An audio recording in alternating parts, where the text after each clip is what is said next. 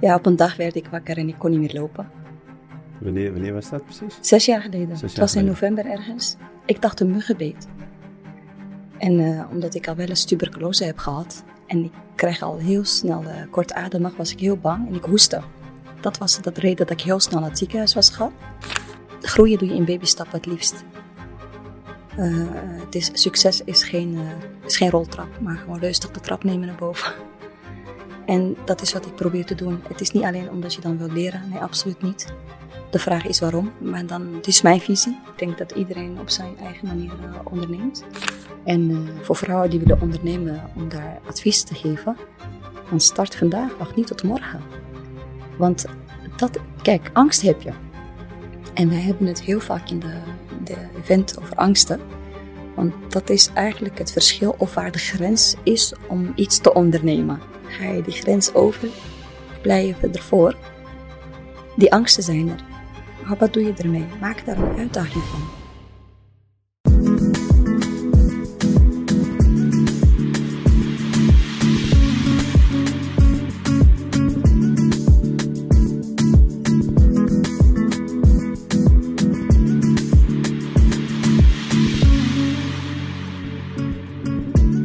Salam alaikum en eh, welkom eh, bij eh, een nieuwe aflevering van de High Frequency Podcast. Ja, vandaag hebben we de bevoorrecht om een vrouw te verwelkomen die het perfecte voorbeeld is van doorzettingsvermogen en visie. Als CEO van Hortes, dat zeg ik goed toch? Jazeker. Oké dan.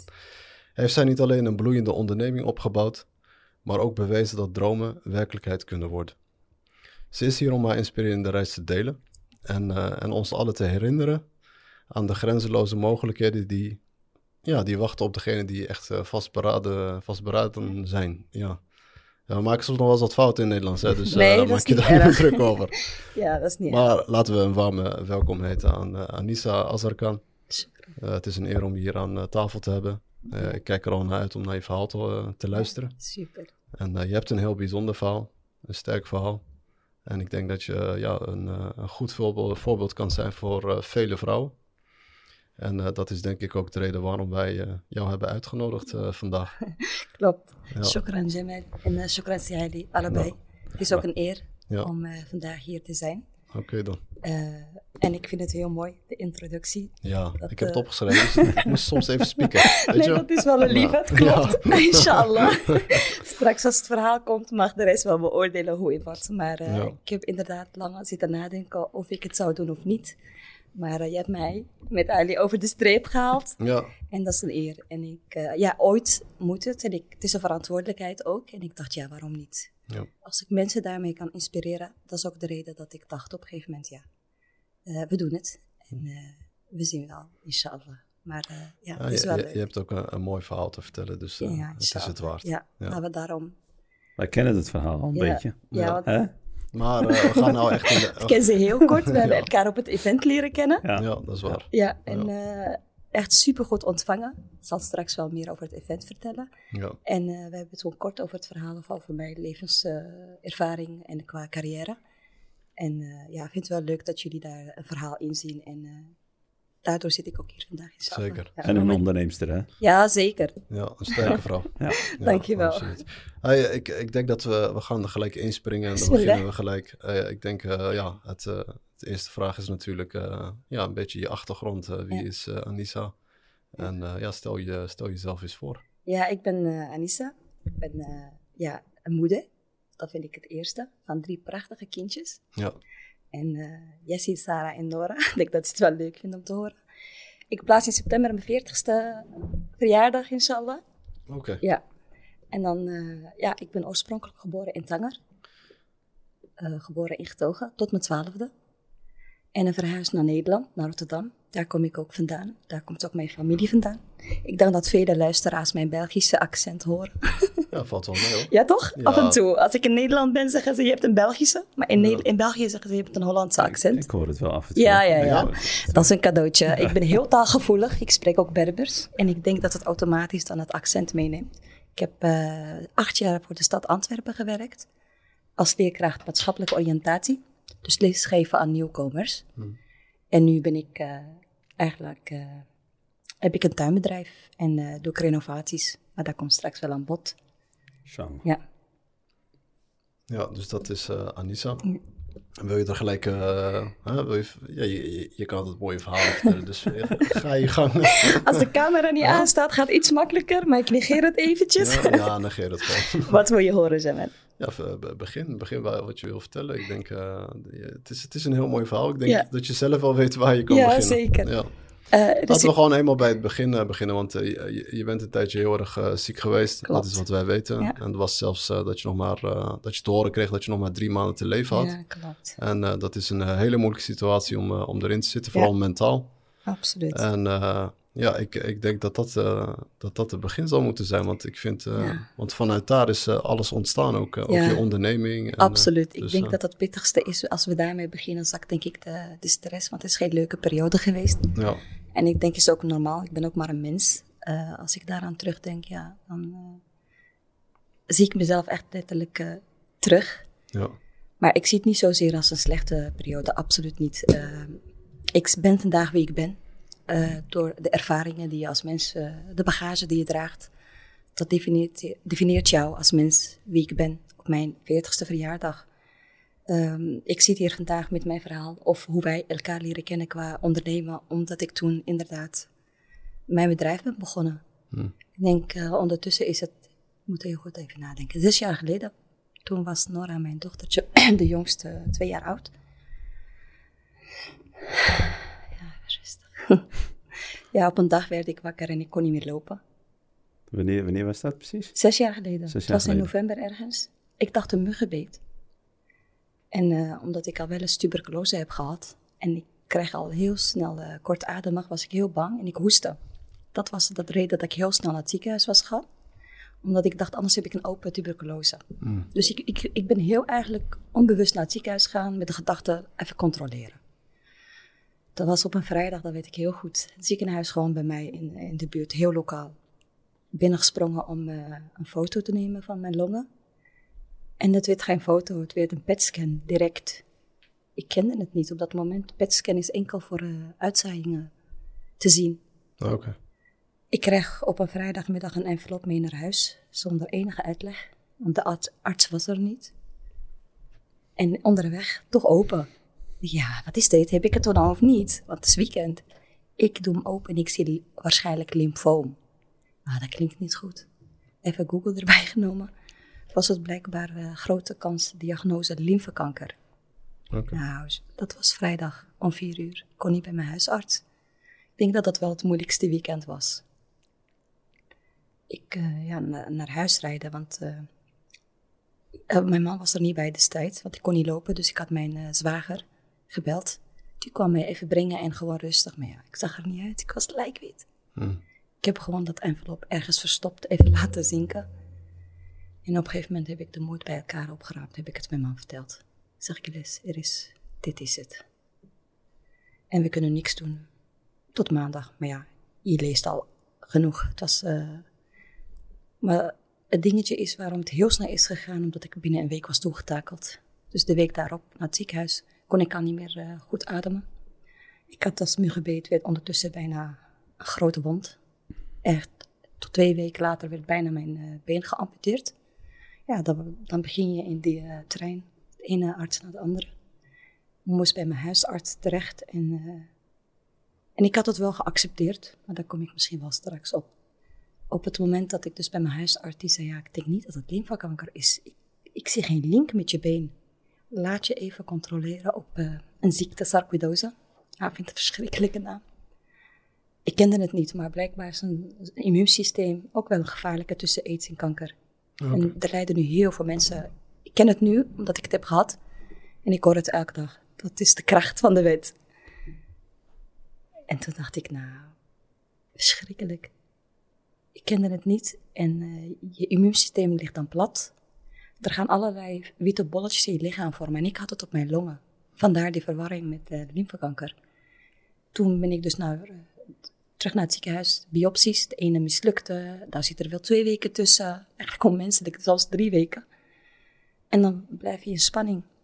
En na de tweede biopsie was het wel gelukt. En toen zeiden ze, klopt, dat is, eh, dat is sarcoidose. Bij Nieuwe Kids, nou, eh, ik was er niet blij mee. Het was op verzoek van de huisarts. Ja, die, die, die deed dat, dat klopt niet. Want je been, in, laat even dit controleren. En vanuit het ziekenhuis kreeg je een envelop. Dat was de eerste keer. Zonder dat je, dat je Nee, te horen kreeg nee, van wat er aan nee, de hand was. want dat was een arts, nee, dat was gewoon puur van, dit is wat wij op de scan hebben, dan moet je in België, langs je huisarts. Ah. Daarvoor was die envelop, Hmm. maar het was weekend. En eh, daarna ben ik dus wel naar mijn huisarts gegaan en dacht ze, ja, we gaan controle. En drie weken later, toen ze zag hoe mijn been eruit, eh, eraan toe was, er klopt iets niet. En eh, toen ben ik erachter gekomen, inderdaad, eh, binnen de bestek van drie maanden, dat het toch sarcoïdose was. En ik vond, het, ik vond het heel heftig. Want toen ik te horen kreeg dus dat ik lymfekanker, heb ik het gewoon meteen geaccepteerd. Ik, ja, dit is het. Dit is mijn bestemming, dit is mijn lot, alhamdulillah. Ik was heel dankbaar. En ik was heel rustig geworden. Maar je kreeg ook te horen dat je eh, nog maar drie maanden had? Klopt, omdat Ja. het zo pittig was. Ik kon al niet meer ademen. Oh ja, iets wat ik erbij had is acuut reuma. Dat treedt dan op. Ik kon dus niet bewegen. Het is niet alleen ziek, ik kon ook niet lopen twee weken lang. Het deed echt pijn. Ik kon mijn handen, ik kon mijn kinderen. Ik werd verzorgd op de eerste verdieping door mijn man. Ja, ik kon niet meer lopen. Dus hoe jij in die twee weken zo toegetakeld was, drie maanden nog maar, een, eh, nog maar de vraag, dacht ik. Want ik hou geen drie maanden. Maar eh, toen het sarcoidose bleek, dus eh, na drie maanden zeiden ze ja. Ben ik het gaan opzoeken. Ik vond het verschrikkelijk. En ik dacht nee, drie maanden doodgaan, dat had ik geaccepteerd. Maar een, een lange lijdensweg en een lange ziekte, ja, dat wou ik niet. En ik eh, was echt dankbaar de eerste keer. En eh, met Allah had ik zoiets, nee, kijk naar mijn hart. Ik was echt dankbaar. En lymfekanker, eh, ik ben niemand tot last. Het is drie maanden. En nu gaan mensen luisteren, heel raar, maar op het moment dat je beproefd wordt, dan ken je echt, dan komt je waarde aard naar boven. Hè? Er ontstaan dingen die jij niet zou weten van jezelf. Ik was heel sterk, had ik niet verwacht. Want je hoort als je altijd kanker bij een ander, ik altijd bang. En ik dacht, alhamdulillah, dit is het dan. Ik heb waar ik altijd bang voor was en ik doe geen plotseling dood. Dat je niet ergens betrokken was bij een ongeval, dat je je dierbaren niet kan zien, fatsoenlijk afscheid. Op het moment dat ik dat te horen kreeg, dat is drie maanden net even, even boodschappen gaan doen en niet meer terugkomen. Ik was heel dankbaar. En ik kreeg zelfs zo'n zengevoel, zo rustig dat ik was geworden. En ik kon er echt wel van genieten. Maar toen ik sarcoidose had, was, het voor mij wel, nee, dit, eh, dit kan ik niet. Ik heb toen heel veel dua gedaan van nee. En subhanallah, op een gegeven moment zei de huisarts, geen paniek. Je hebt twee soorten. Je hebt de acuut agressieve vorm. Dat is wat ik had. Dan word je echt heel kort, snel eh, toegetakeld. En je hebt de chronische. Ik zeg, wat heb ik? Zei kan het, ik weet het op dit moment niet. Weet je pas na een behandelingsperiode van zes maanden. En ik kreeg dan prednison eh, toegediend. Dat is wel een sterke middel, daar word je ook wel een beetje ziek van. En, eh, je komt van aan, je wordt, je wordt gewoon niet goed van. Ik dacht, nou, laat me komen. Ik ben, er- ik ben er klaar voor. Maar er zit er wel een eh, termijn van zes maanden op om te weten welke vorm je had. Dus ja, ik had het al raden, dat was dus de moeilijkste zes maanden van mijn leven. Van ja, wat heb ik nu? En eh, hoe sterk ik ook was en eh, rustig was en het had geaccepteerd. Ik ben ook maar een mens. Ja, je kijkt, je kijkt je aan de kinderen, je wordt onzeker. Ik was zo onzeker en heel bang. Dat ik dacht, dit, ik ga niet dood aan de ziekte aan mij, maar meer aan die onzekerheid en dat gevoel. Je begint je niet goed te voelen, je wordt negatief. Ik sliep ook niet, dat was een bijwerking. Van slaap was er geen sprake. Toen dacht ik, nou, zes maanden is wel heel lang op deze manier. En eh, ja, ik ging dan heel vaak naar Rotterdam, naar mijn moeder. Gewoon lekker onder de mensen, mijn zussen. Daar ben ik ook, eh, daar ben ik hun heel dankbaar voor. En met mijn gezin. Ze waren allemaal klein, hè, die kindjes. Hoe goed ook misschien. Mijn man heeft mij heel goed verzorgd. En ik dacht, leuk om onder de mensen. En op een gegeven moment dacht ik, ja, ik moet iets doen. En zo is eigenlijk Hortus ontstaan met mijn ziektebed. Ja. En eh, dat was mijn redding. Subhanallah. En toen dacht ik, eh, heel eigenlijk onschuldig, heel klein. Ik moet een focus hebben. En ik zei tegen hem, nee, ik heb een idee. en eh, hij zei, eh, ik zei, waarom zit je hier bij ons? Ik heb echt, mijn man, alhamdulillah, is een hardwerkende man. En je raadt het al, hè? niks doen. En hij had ook een moeilijke periode. Ik dacht voor hem ook heel, fijn, een focus. Eh, wil je iets doen? Ik zeg, kijk, we gaan tuin reinigen. Het concept. Ik noemde dat zomer klaarmaken. Weet je wat ik bedoel? Ja. Het is gewoon, je komt eigenlijk aan. hè? De zomer zit je het liefst Ja. in je tuin. Ja, De maar zomer, als, ja. als je in maart de tuin open doet, dan ligt het een beetje verlaten bij overal groene aanslag. Ik zeg, kijk, we gaan met hoge druk reinigen, de tuinen reinigen. Je pakt het aan, de meubeltjes opzij, alles reinigen, snoeiwerken en knippen. Ja, zo gezegd, zo gedaan. Ik lag thuis met een agenda in bed. Ik had telefoons, ik had eh, wel een hele grote influencer benaderd. Van, eh, we doen niks anders dan tuinreinigingen. Het was mijn eerste keer. Alsof je een hele pro- professional was. Ja, dat, ik denk dat het iets is van ondernemen, denk ik toch? Ik zeg tegen ja, ik zag haar op Snapchat en ik zeg ja, mijn man doet dat. Wij doen eh, seizoensreinigingen. Laat maar komen. Ik zeg hem, ga gewoon. En ik zat in bed, span, in spanning af te wachten wanneer de afterfoto's. Ja, hij was zo'n harde werker en leverde prachtige resultaten op mijn eerste. Dat je niet meer kon herkennen of de tuin nou was gereinigd of was opnieuw betegeld. En dat was zo'n uh, ja, als influencer, hè. mensen volgen die en het was een succes.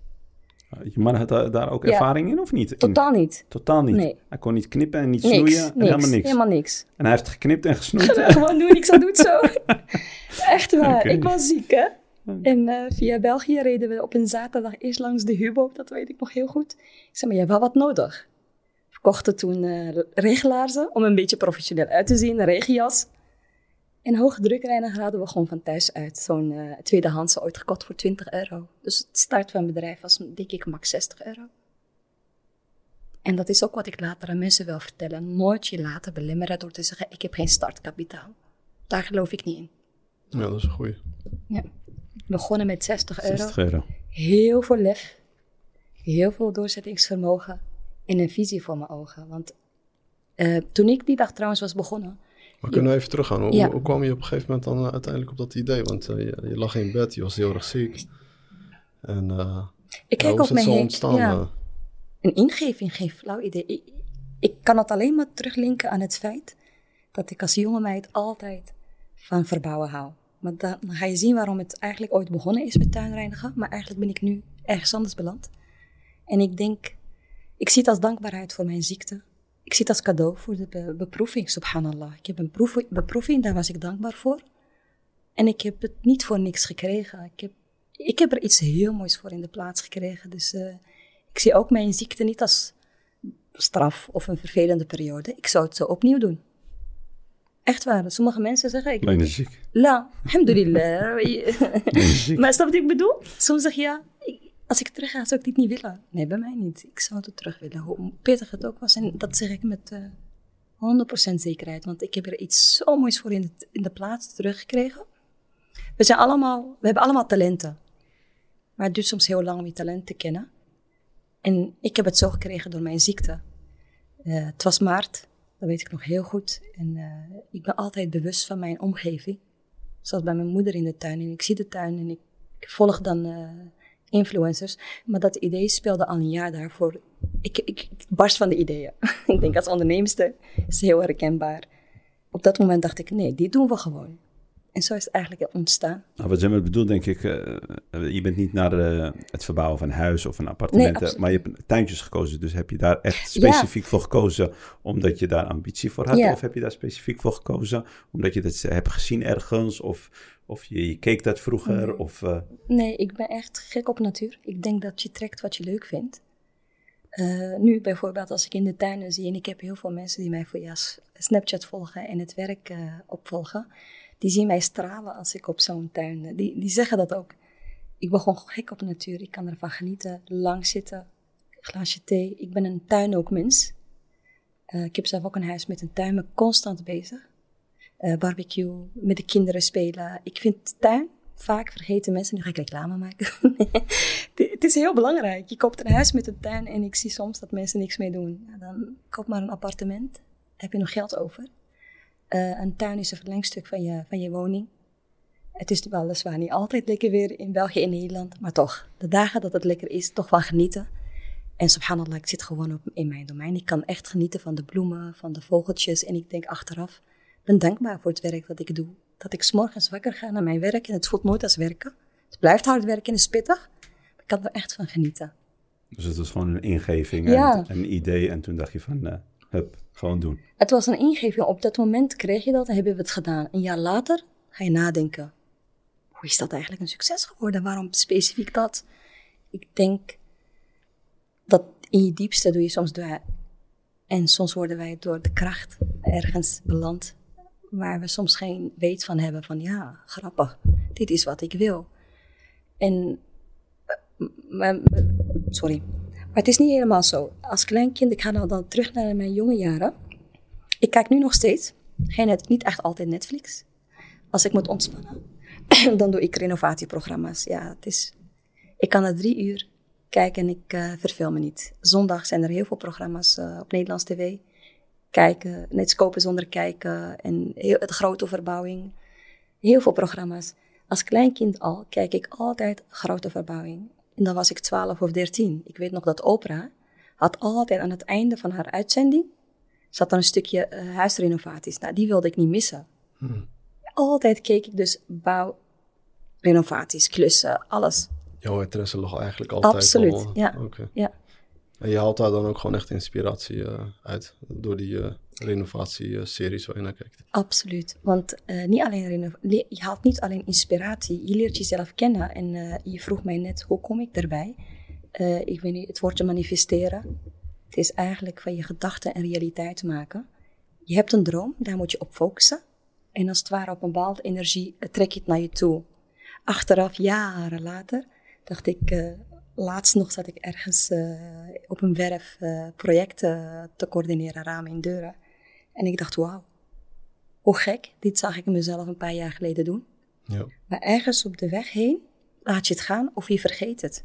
Maar als ik keek, zag ik wel mezelf in dat programma. Van dit doe ik ook. En ergens was er een grote hoop in, in dit wil ik. Maar ja, je gaat naar school. Of niet de juiste mentor. Of in je omgeving. En daarom is het ook heel belangrijk om met kinderen te praten van wat doe je graag. Ik heb die eh, ondersteuning niet gehad. Maar dat is niet erg. Maar dan zorg jij dat jij die voor jezelf... eh, je bent het schuldig aan jezelf. Ja. Ik heb op school in Nederland geen goede mentor gehad. Het was meneer Schuurman. ik wil hem bedanken eigenlijk. ja, Meneer Schuurman, als meneer je kijkt. Ja. als je ooit kijkt. Ja, dit moet echt uit. Echt waar. Ja. Het, is, het was vroeger altijd een frustratie. Maar ik ben hem dankbaar. Want door hem heeft hij iets gedaan. Die geloofde niet in mij en heeft mij echt benadeeld. Ik had nog met twee jaar om naar de universiteit te gaan. Door één puntje. En ik was nog maar drie jaar in Nederland. Ja, je moet Engels spreken, Frans, Nederlands, Duits. Eén puntje. Voor één punt mocht ik niet gaan naar VWO 4. Ik zeg maar, meneer Schuurman, één punt. En ik ben pas in Nederland, één punt. En ik wilde graag rechten studeren of economie. Dat was altijd mijn passie, econoom worden. En hij zei, nee, ga kappersopleiding doen. Nou, ik heb een hekel aan kappers eh, gedoe. Daar kom ik ook nu niet vaak. eh. Dat adviseerde hij toen. ja, kappers. Ik zei, maar ik vind het helemaal niks. Ja, maar het is leuk. Maar waarom zei hij dat? Hè? Waarom zei hij zoiets? Ja, dat is makkelijk toch? Je kan het gewoon doen. Eh, geen motivatie, geen achteraf. Maar was het denigrerend bedoeld of niet? Ja, nee, hij zei, je kan het toch doen? Ik was bijna 18 en ik zei tegen hem, ja, maar dit is wat ik doe. Hij zei, nee, je bent 18, je kan je inschrijven voor een kappersopleiding. Dat zal ik nooit vergeten. Oké. En eh, achteraf, als je geen begeleiding hebt van je, van je familie, en je bent jong, je weet niet wie je moet halen. En daar heb je maar twee dingen. Of je legt je bij neer en ben je slachtoffer, of je slaat twee keer zo hard terug. En heeft mij niet meteen, het is mij niet meteen gelukt, maar de laatste tijden dacht ik, yes, meneer Schuurman, je had geen gelijk. Ja. Ik kan grote dingen doen. Ik heb geen diploma door hem. Want uiteindelijk, eh, nadat het, ik was bijna 18, dan mocht ik niet meer op de reguliere openbare school. Dat was de reden. Want ik had dan middelbare, middelbare school in Marokko gehad. En eh, ja, blijven zitten in VWO 3 was geen optie. Na overgaan was geen optie. En ik belandde gewoon thuis. Depressief. Want ik dacht, je ziet je dromen gewoon. eh diploma was heel belangrijk. Ook eh, vanuit onze opvoeding en omgeving moet je een diploma hebben. En ik dacht, ja, het is niet gelukt. En dat is echt jammer. hoor. Ja, op dat moment ben je 18, ben je jong. En wel een hele moeilijke leeftijd, toch? En nu achteraf denk ik, ik ben wel trots op mezelf. Want je moet voor jezelf klappen, vind ik altijd, zeg ik toch? Als niemand voor je doet. Ja, het was wel sterk, want ik ben boekhouding gaan doen. Vond ik helemaal niks. En ik had dan het heel makkelijk, maar er was geen motivatie. Want om iets te doen moet je gemotiveerd zijn en het moet echt vanuit een passie. Daarom zeg ik altijd, zoek je passies. Bij mij was het niet boekhouding. En uh, ondertussen, ja, 19, 20, geen diploma. En ik voelde me echt wel verloren. En met heel veel pijn van, ja, meneer Scheurman, één puntje. En ik bleef focussen op het negatieve. Lang. Totdat ik op een dag zeg, ja, maar dat, dat is achter mij. En het is niet makkelijk. Het is een lange weg om te leren van niet in het uh, verleden te blijven, maar te focussen op het nu. Klinkt nu heel makkelijk en mensen die gaan kijken, ja, maar zo makkelijk is het niet. Nee, absoluut niet. Het is met vallen, opstaan en doorgaan en heel veel pijn en verdriet. Maar je moet het doen. Het is heel cliché. En het nu blijven. Wat geweest is geweest, daar heb ik geen. Uh, ja, dat kan ik niet meer veranderen. Maar wat er nu speelt, uh, daar, heb ik wel, daar kan ik wel wat doen. En op een gegeven moment dacht ik, mooi, geen probleem, het komt wel. Ik, ja, uh, ontmoet... meneer, meneer Schuurman, dankjewel. Ja, dankjewel. ja, Rotterdam. Hey, mogen we even teruggaan naar, de, ja, naar het bedrijf? Ja. Want ik vind het uh, natuurlijk iets heel moois dat je met uh, 60 euro een bedrijf kan beginnen. Dat is een goede motivatie ook voor, voor nieuwe, nieuwe nieuwelingen die eventueel willen ondernemen. Want als je dat hoort, dan denk je van, hé, hey, alles is mogelijk. Ja. Een idee en op een gegeven moment moet je gewoon die stap gaan maken. Maar hoe heb je je bedrijf groter gemaakt? Want ik neem aan dat, dat je nu wel verder bent in, Ja. je, in je bedrijf. Zou je daar nog wat over kunnen vertellen? Ik ben altijd, alhamdulillah, door de ervaring die je meeneemt. Hè? Want je bent niet op één dag zo. Uh, je hoort vaak, ja, het, niet, het is niet mogelijk. Is niet mogelijk. ik denk niet meer zo. Want als je denkt, ja, ik moet eerst 60.000 euro. Hè, dan wordt vaak verteld, je moet een bepaald startkapitaal. Ook in mijn eigen omgeving. Ik geloofde dat. Ben gaan proberen, gaan sparen. Ja, dan kan je lang eventjes wachten. Soms lukt het niet altijd. En ik dacht, nee. Gewoon radicaal tegenin. Niks is, niks is onmogelijk. Je probeert het. En dan pas heb je een antwoord van klopt het of klopt het niet. Maar luister naar een ander en, en denk ja, het gaat mij niet lukken. Ik ben daar nu heel radicaal in. Zo ga ik nu door het leven. Niet tegen mij zeggen dat het niet kan. Als iets niet kan, dan zeg ik ja, klopt. Ik heb het nog nooit gedaan. Maar ik zal proberen en kijken of het mij lukt. We zijn toen inderdaad met 60 euro be uh, begonnen. En een jaar later dacht ik, dit is serieus wat. En een jaar later uh, hadden wij al de eerste hoge drukreiniger gekocht. Binnen een paar teutjes professionele. Want dan doe je sneller het werk en beter resultaat. Je groeit, je leert. En uh, terugbetaald. En derde voor reserve. En toen dacht ik, ja, het is serieus aan het groeien. In plaats van. Uh, en ik deed het voor heel weinig geld in het begin. Hè. Dan moest je twee per dag doen. Tweede jaar dacht ik, ik maak de prijs dubbel. Je maakt kosten, je leert. Het is een leerproces. En het tweede jaar, het eerste jaar na het ontstaan van het bedrijf, was ik ondertussen, alhamdulillah, gezond. En de tijd was, dat was het idee, mijn tuinbedrijf is mijn redding geweest. Daarom doe ik het werk alsof het niet werken is. Elke maart bloei ik weer. En dan begint mijn tuinseizoen. Dan beginnen we terug met al die uh, klanten elk jaar. Uh, alhamdulillah, al vier jaar hetzelfde klanten. En uh, het eerste jaar begonnen mensen te zeggen, Anissa, kan je een tuin aanleggen? Nee. ik zei volmondig ja. In orde, ik kom offerte doen. Spannend. Dat had je ook nog nooit gedaan Nog nooit gedaan natuurlijk. Okay. En uh, daar heb ik niet eens aan gedacht. Ik dacht, we doen alleen die tuinreiniging. Ja, maar je bent dan in de tuin aan het werken. Die mensen hebben schuttingen nodig in een nieuw terras. En uh, toen zei hij, man, kom, kom. Ik ben wel van het durf en zeggen. heb jullie denk ik ondertussen wel gewoon doen. Gewoon doen, schreeuw elkaar. En ik denk, mijn manieren van denken, wil ik ook wel zeggen, anders vergeet ik het straks. Komt ook natuurlijk door mijn ziekte. Ik merk nu, ik durf iets meer risico's te nemen. Omdat ik denk, ja, wat gaat er gebeuren? Niemand heeft jou morgen beloofd. En je, je relativeert op een andere manier, omdat je minder bang bent. Want uiteindelijk, we gaan het straks ook over een stukje angsten. Angst is er en is gezond. Maar het is de, het is de mate waarin je toelaat. Gaat het je overmeesteren? Of ga je het als een uitdaging zien en eigenlijk een plekje geven? Angst is er en is een menselijke... Niet, ik denk, we hebben allemaal angsten, toch? Ja. Als iemand tegen jou, als iemand tegen mij zegt, ik heb angsten, ja, die geloof ik niet. We hebben allemaal angsten op bepaalde momenten in ons leven. Maar ik zeg gewoon ja, ik ben naar YouTube gaan kijken. Van hoe het moet. Maar je moet niet zomaar dingen doen, hè, voor de mensen die luisteren. Het is een bedrijf, ik ben niet zomaar tegels gaan plaatsen. Uh, de vriend van mijn man was een bestrater. Ik zeg, leg contact op, een hele goeie. Onze eerste tuin was gewoon super fijn. Ik heb volledig alles, alles gecoördineerd. En we hebben materialen gekocht. Met de klant alles doorlopen. Ah, daar zit wel mijn excuses ergens hier een telefoon. Daar hoor ik het, sorry. Is dat van jou? Ja, zit er ook van mij. Maar waar zit die? Sorry, moet ik stoppen? Nee, maakt niet uit. Rustig aan. Ja, even het doen. Ja, stil zitten. Ja. Waar was ik? Ik was aan het vertellen... Over de, de straat. De eerste tuin, ja. ja. Ja, die heeft gewoon topwerk geleverd. En ik denk ook die tuin is natuurlijk binnen social media aan alles gedacht. En uh, daar is eigenlijk mijn liefde voor het coördineren van verbouwingen ontstaan. Ik vond het geweldig. Ja, maar, maar je, was ook, uh, je was ook nog uh, tegelijkertijd ook nog ziek. Hè? Klopt. Dus, dus hoe, hoe, ben je daar uiteindelijk uitgekomen? Want er zullen, kijk, mensen zijn het verhaal aan het volgen. En zijn misschien nog in het begin nog een beetje blijven hangen omdat ja. je heel erg ziek was. Ja. Maar ik, uiteindelijk kwam je het idee dus om die onderneming te gaan uh, starten. Ja. En het, het, ging de goede kant op. En, uh, het, uh... We hebben, ik was toen ziek vanaf maart. Hè. Ik moest nog een paar maanden door om te kijken of ik niet de chronische vorm had. Mm. Toen gingen wij het bedrijf starten. Maar het was makkelijk. Ik deed alleen de planning. Dus lichamelijk kon dat perfect gecombineerd worden. Ik vergat daardoor mijn ziekte. En ik denk dat het ook de kracht is om dan gezond en beter te worden. Want stress kan soms nog zieker maken dan een ziekte. Hè? Stress op zich is ziekte.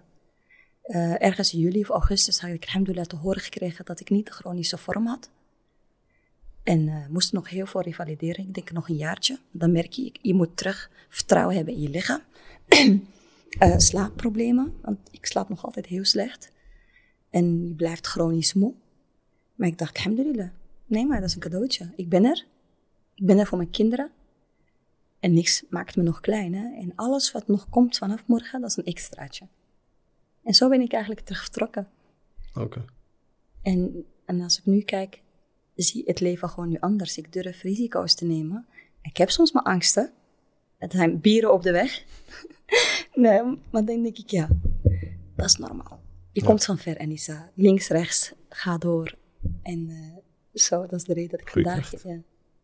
Dat is de beste, beste mindset. Ja, want het was ook voor het business event, dat was niet op de planning, want uh, we hebben geen verlof. Uh, ik zit natuurlijk in mijn uh, drukke tuinseizoen. Werkmannen, ja, ik moet echt aanwezig zijn. En ik vind loslaten nog soms moeilijk. Want als je werk heel graag doet, wil je het gewoon naar behoren uitvoeren. En ja, je weet hoe dat gaat met werkmannen.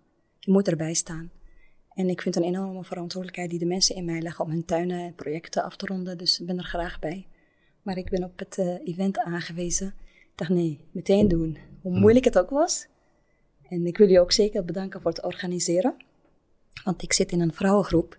Allemaal dames die willen ondernemen. Met heel veel angsten en onzekerheden. Van de 56 hebben we elkaar geprobeerd om te gaan, zijn er drie gekomen.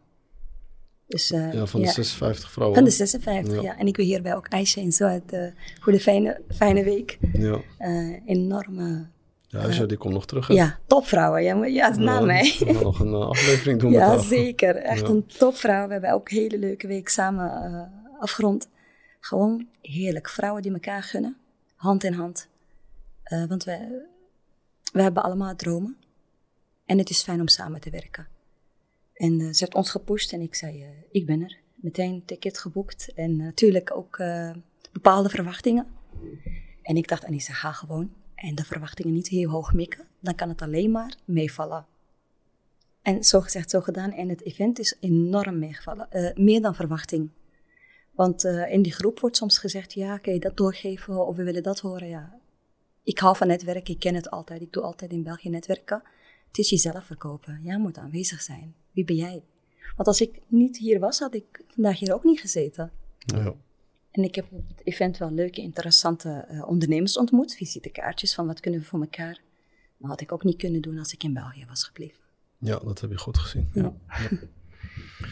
ja. uh, maar je kwam uiteindelijk naar het evenement toe. Hè? Ja. Maar er zit toch altijd wel nog, uh, ik denk wel meer redenen erachter. Ja, absoluut. Want je hebt een, een, een nauwe verbondenheid met Marokko. Ja, klopt. En ja, wat, wat, zijn de plannen? Want ik, ik ik heb wel, volgens mij heb ik al gehoord dat je eventueel misschien nog uh, wat in uh, Marokko wilde starten. Of uh, ja. wat zijn de plannen daarvoor? het is niet per se nu vroeg om te zeggen ik wil komen. Mhm. Maar het is zeker wel uh, ja, terug naar manifesteren. Ik zie mezelf hier projecten doen. Dat zie ik al een tijdje, nu twee jaar. En ik ben natuurlijk hier geboren en getogen. Dus terugkomen naar Tangerveld, altijd nog thuiskomen, is bizar hè. ja, ik kan dat niet uitleggen. En uh, de kinderen bereiken nu een bepaald leeftijd. Er zit wel een druk op. Het is nu, voor mij voelt het nu of, of niet. Ja. En toen Aisha dus kwam met het event, dacht ik, ik ga. Uh, wat ik doe in België, werk blijven doen. Maar er is niks mis mee met dromen. En als je achter je passie uh, wilt gaan, het is niet makkelijk, maar ik zie mezelf hier heel graag projecten ja. Coördineren. Want jij zegt het ook zelf. Ze bouwen hier zoveel mooie dingen. Dan komt het op afwerking na. Ja. Dan vergeten ze het. dan vergeten ze hoe ze moeten kitten. ja. En uh, de afspraken. En het zal niet gemakkelijk zijn hier ondernemen. Dat hebben we vaak in de podcast. Uh, en ik besef het ook. Uh, voor de mensen die luisteren. Het is niet zo dat ik zeg kom allemaal massaal.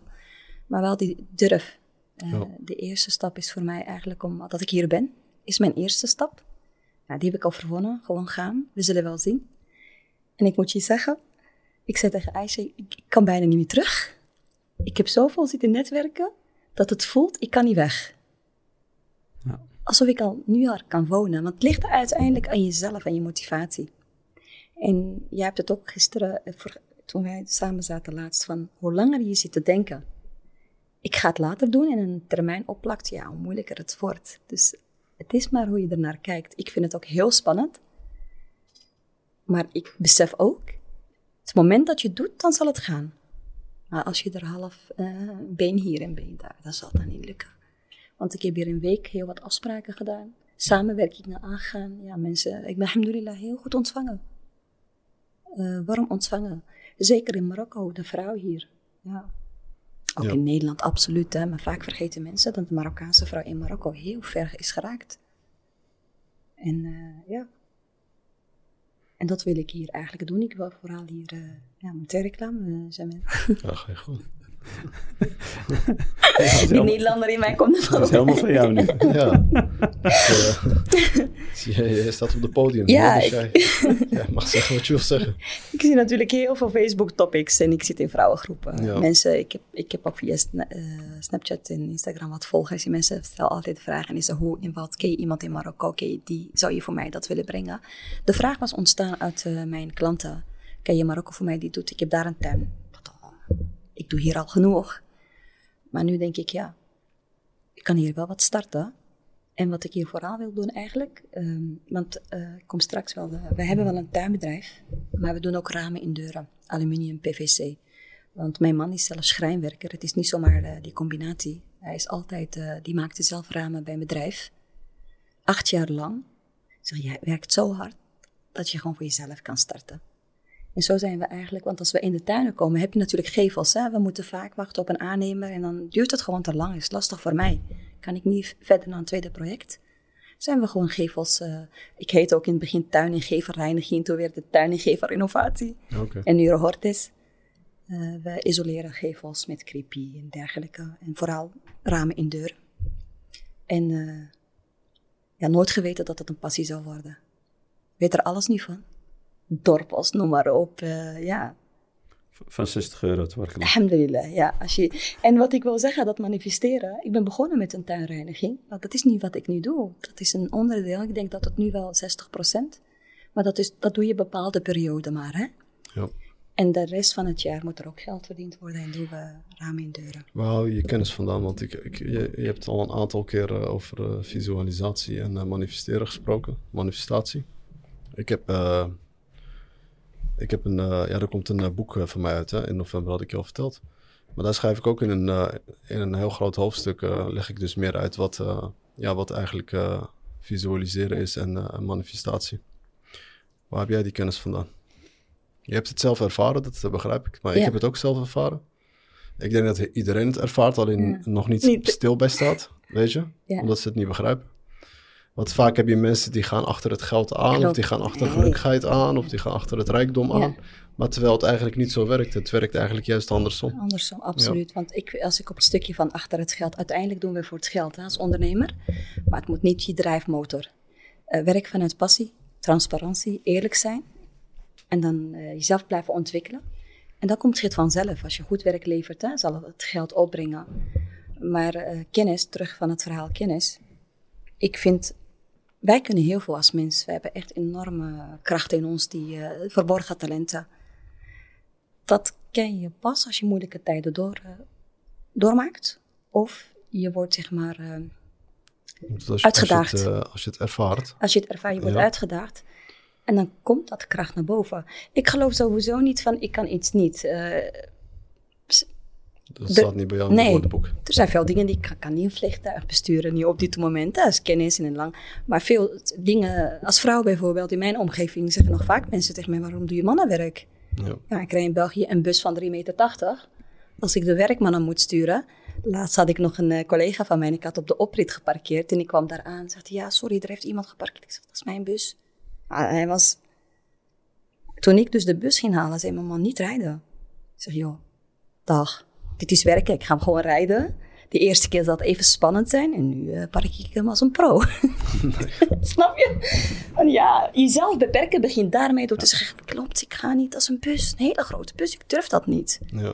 Oh, gewoon doen. De eerste keer zal het spannend zijn en dan wordt het een gewoonte. En dan ben je er vanaf.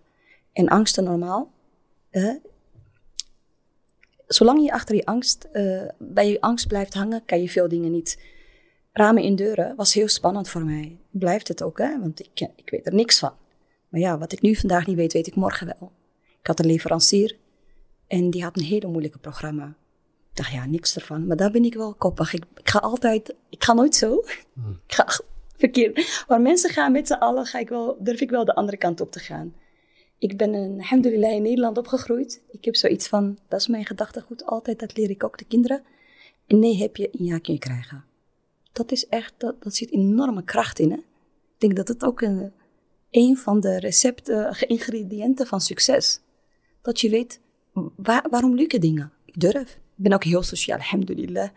En uh, vind het nooit om hulp te vragen. Dat is belangrijk. Je, kan niet zeggen, ik weet alles. Nee, hulp vragen, aan deskundige ervaring opdoen. Zeg, hé, uh, wat heb ik te verliezen? Ik vraag die persoon terug naar het programma. Dan geef je een hele ingewikkeld, ingewikkelde programma. Dat, dat duurt een jaar voordat ik door heb. Ik zeg, luister, we zijn pas begonnen. Het is nog helemaal pittig voor mij, maar ik wil wel werken. Ik wil een vast persoon, rechtstreeks via e-mails. En dan moet jij, want ja, een, een project opmeten voor ramen in deuren, dat is niet niks.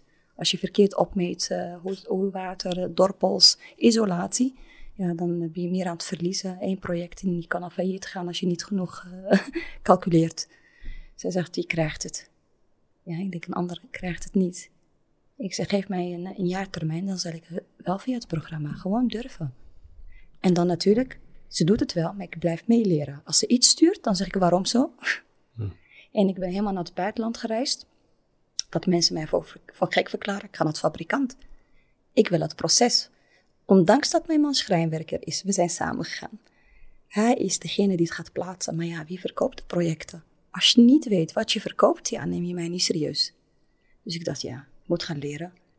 En het is een uitdaging in pittig. Want ja, ik, ik vertel het hier met een lach en dat het allemaal makkelijk is. Absoluut niet.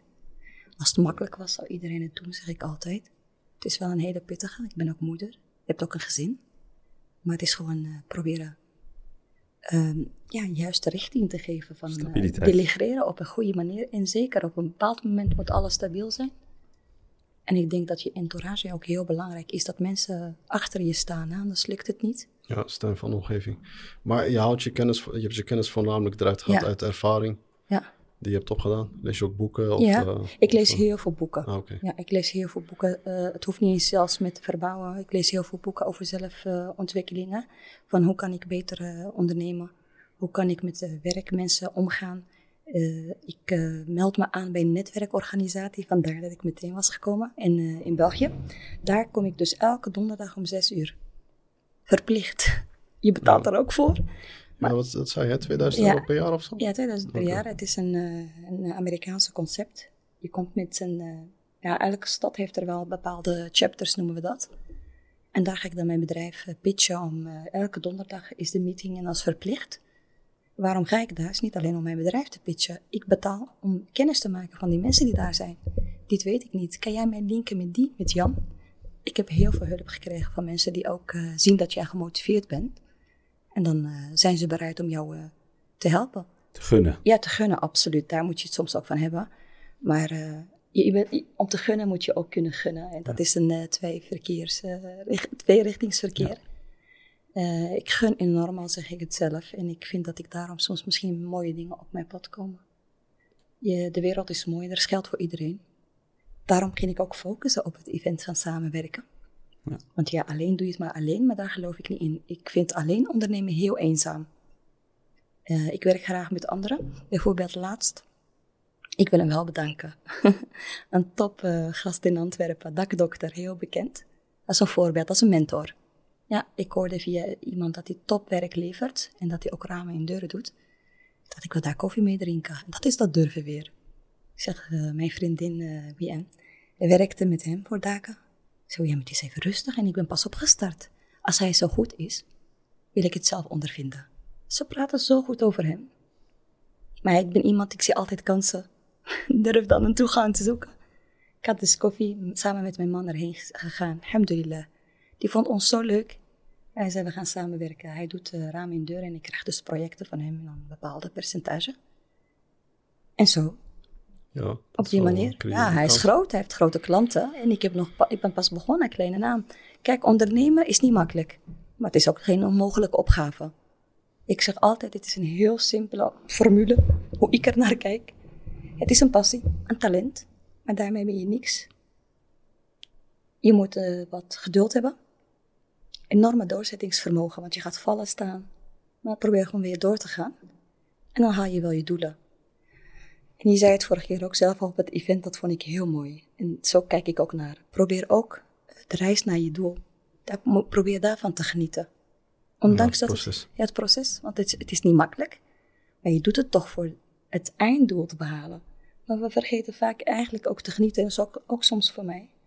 Dat ik denk, is wel pittig. En dan denk ik, en is er mee dit wil je toch? En dan alle problemen of alle moeilijkheden vallen dan achterover, want ja, dit wil ik. Ja, wie zijn, eh, wie zijn voor jou dan uh, echt... Uh, ja, ik weet dat elke ondernemer wel een rolmodel heeft, hè? of rolmodellen. Ja. Ik heb er zelf ook een aantal. En wie waren dat voor jou? Het zijn er natuurlijk heel veel waar, waar we naar kijken, maar voor mij is zeker mijn moeder. Oké. Ja, mijn moeder. Mijn moeder is analfabeet. Hij heeft altijd geklust en ik zag haar en ik dacht, ze is zo slim. Echt ongelooflijk slim voor iemand die niet heeft gestudeerd. Ze kon alles doen thuis, klussen. En waar ik dat dan als kind, nu herinner ik mij, ze was heel handig. Ik noemde haar altijd een jarre. Uh, timmer, uh, timmervrouw. Beter dan mijn vader. ik hoop dat hij niet beluistert. Ja. ging ze eigenlijk met een lint. En je moet meten. Ja. En zij heeft niet gestudeerd. En als ze bepaalde um, eh, planken wilde ophangen en ze ging ze zagen zelf, ging ze met een meetlint 80 cent, 80 centimeter. En dan ging ze dat als maatstaf verder voor de andere planken. Hmm. Uh, of uh, de, afstanden op muren, dat soort zaken. Ze ging boren. En uh, op mijn twaalfde ben ik verhuisd naar Nederland en iedereen klust daar. Ik vond het vanzelfsprekend dat mijn moeder zei, kom behangen. Kom tapijt leggen, laminaat. Dat heb ik altijd gedaan. Omdat ik denk, ja, ik ken het. Ja. Denk, passie van klussen heb ik altijd als kind gehad. We hebben altijd met mijn moeder zitten klussen. En uh, ik ben echt dankbaar dat ik mijn plek heb gevonden. Want dat is niet iedereen. Dat is, dat is een, uh, dat is een nerma. Ja, ik hoor het. je doet het met plezier. plezier. Ja, absoluut. en wat is de toekomstvisie van Hortes? Kijk, je hebt plannen natuurlijk om in Marokko waarschijnlijk uit te breiden. En dan hier waarschijnlijk ook projecten uit te rollen. Maar maar laten we over Hortes in het algemeen hebben. Wat zijn nog de, de doelen? Op dit moment uh, probeer ik een uh, sterke team te creëren en projecten rustig en echt wel van mijn projecten te genieten. We zijn pas gestart met ramen en deuren en ik ben echt een uh, dankbaar persoon. Als je ziet hoe klein ik ben, hoe kort we bezig zijn, echt behoorlijk wat projecten kunnen realiseren. ik ben ook niet de persoon die van grote dingen... Groeien doe je in babystappen het liefst. Uh, het is, succes is geen, uh, is geen roltrap, maar gewoon rustig de trap nemen naar boven. En dat is wat ik probeer te doen. Het is niet alleen omdat je dan wil leren, nee, absoluut niet. De vraag is waarom, maar dan, is mijn visie. Ik denk dat iedereen op zijn eigen manier uh, onderneemt. Ik probeer echt te genieten. Ik moet niet heel groot worden, als het komt prima, maar het is niet mijn focus. Ja. Mijn focus is echt uh, carrière doen. Het is voor mij al, mijn doelen zijn behaald. Ik doe wat ik graag doe elke ochtend. En het is niet altijd makkelijk. En ik doe het voor de kinderen. Dat is mijn drijfkracht. Op dit moment doe ik het voor de kinderen. Als ik iets kan achterlaten. Ja, ik doe het eigenlijk. Als het hoort is groot moet worden, is omdat ik uh, het wil achterlaten voor de kinderen. Okay. Ze zijn nu al uh, samen aan het kijken wie wat gaat doen. Familiebedrijf. ja, absoluut. Ja. Maar het is eigenlijk al een familiebedrijf. Ja, ja, ik moet zeggen, ze werken even hard mee. Mijn zoontje is 13. Ik stuur hem met papa mee. Ja. Ja, geef ik hem uh, 10, 20 euro en dan ga, gaat hij mee.